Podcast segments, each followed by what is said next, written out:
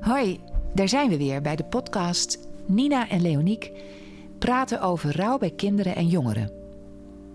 We nemen jou vandaag weer mee in de wereld van het rouwende kind. Dat doen we ook vandaag weer met koffie en een stukje chocola. Want chocola schijnt ervoor te zorgen dat je je beter voelt. En dat kunnen we bij dit onderwerp goed gebruiken.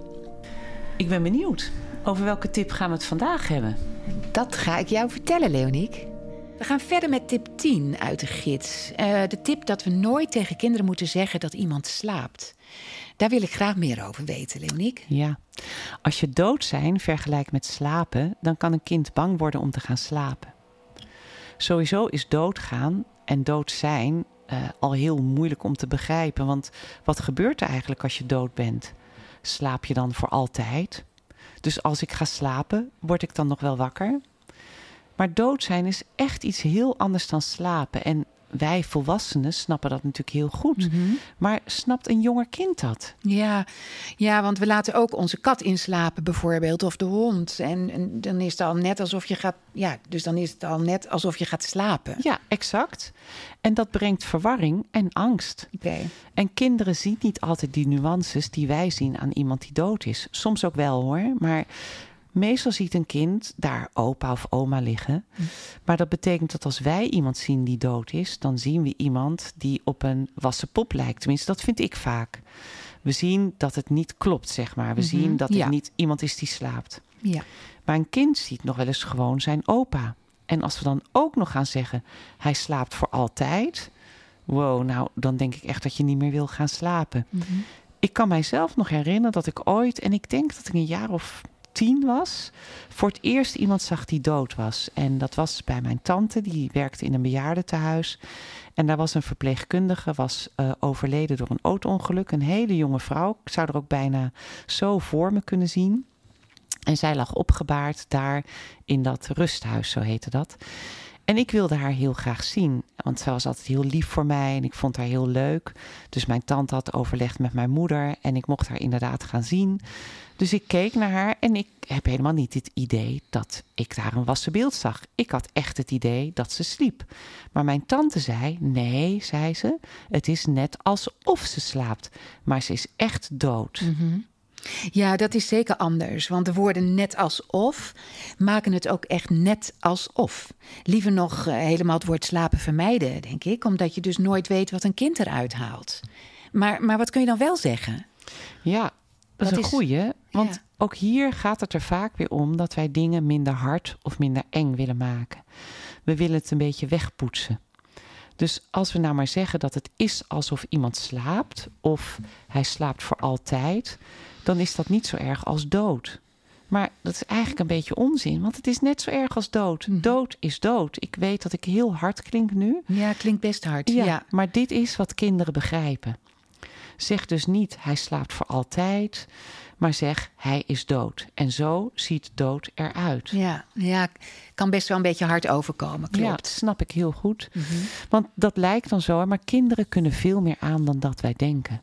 En kunnen ook dat veel beter aan dan dat wij denken.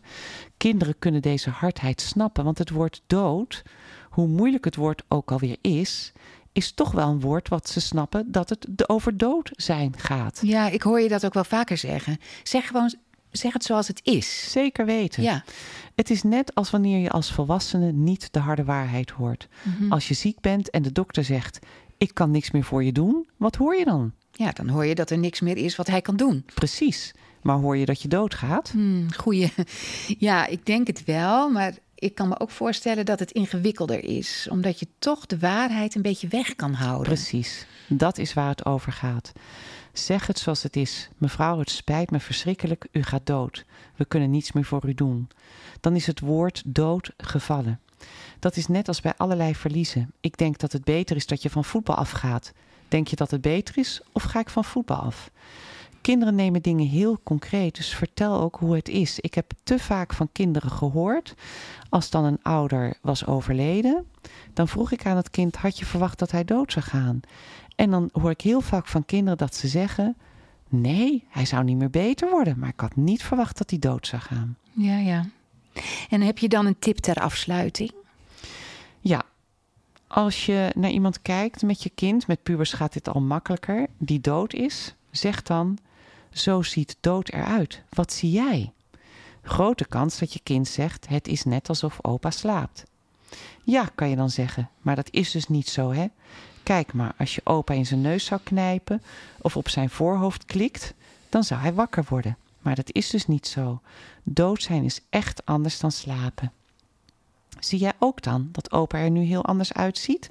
Dus ga het met een kind onderzoeken.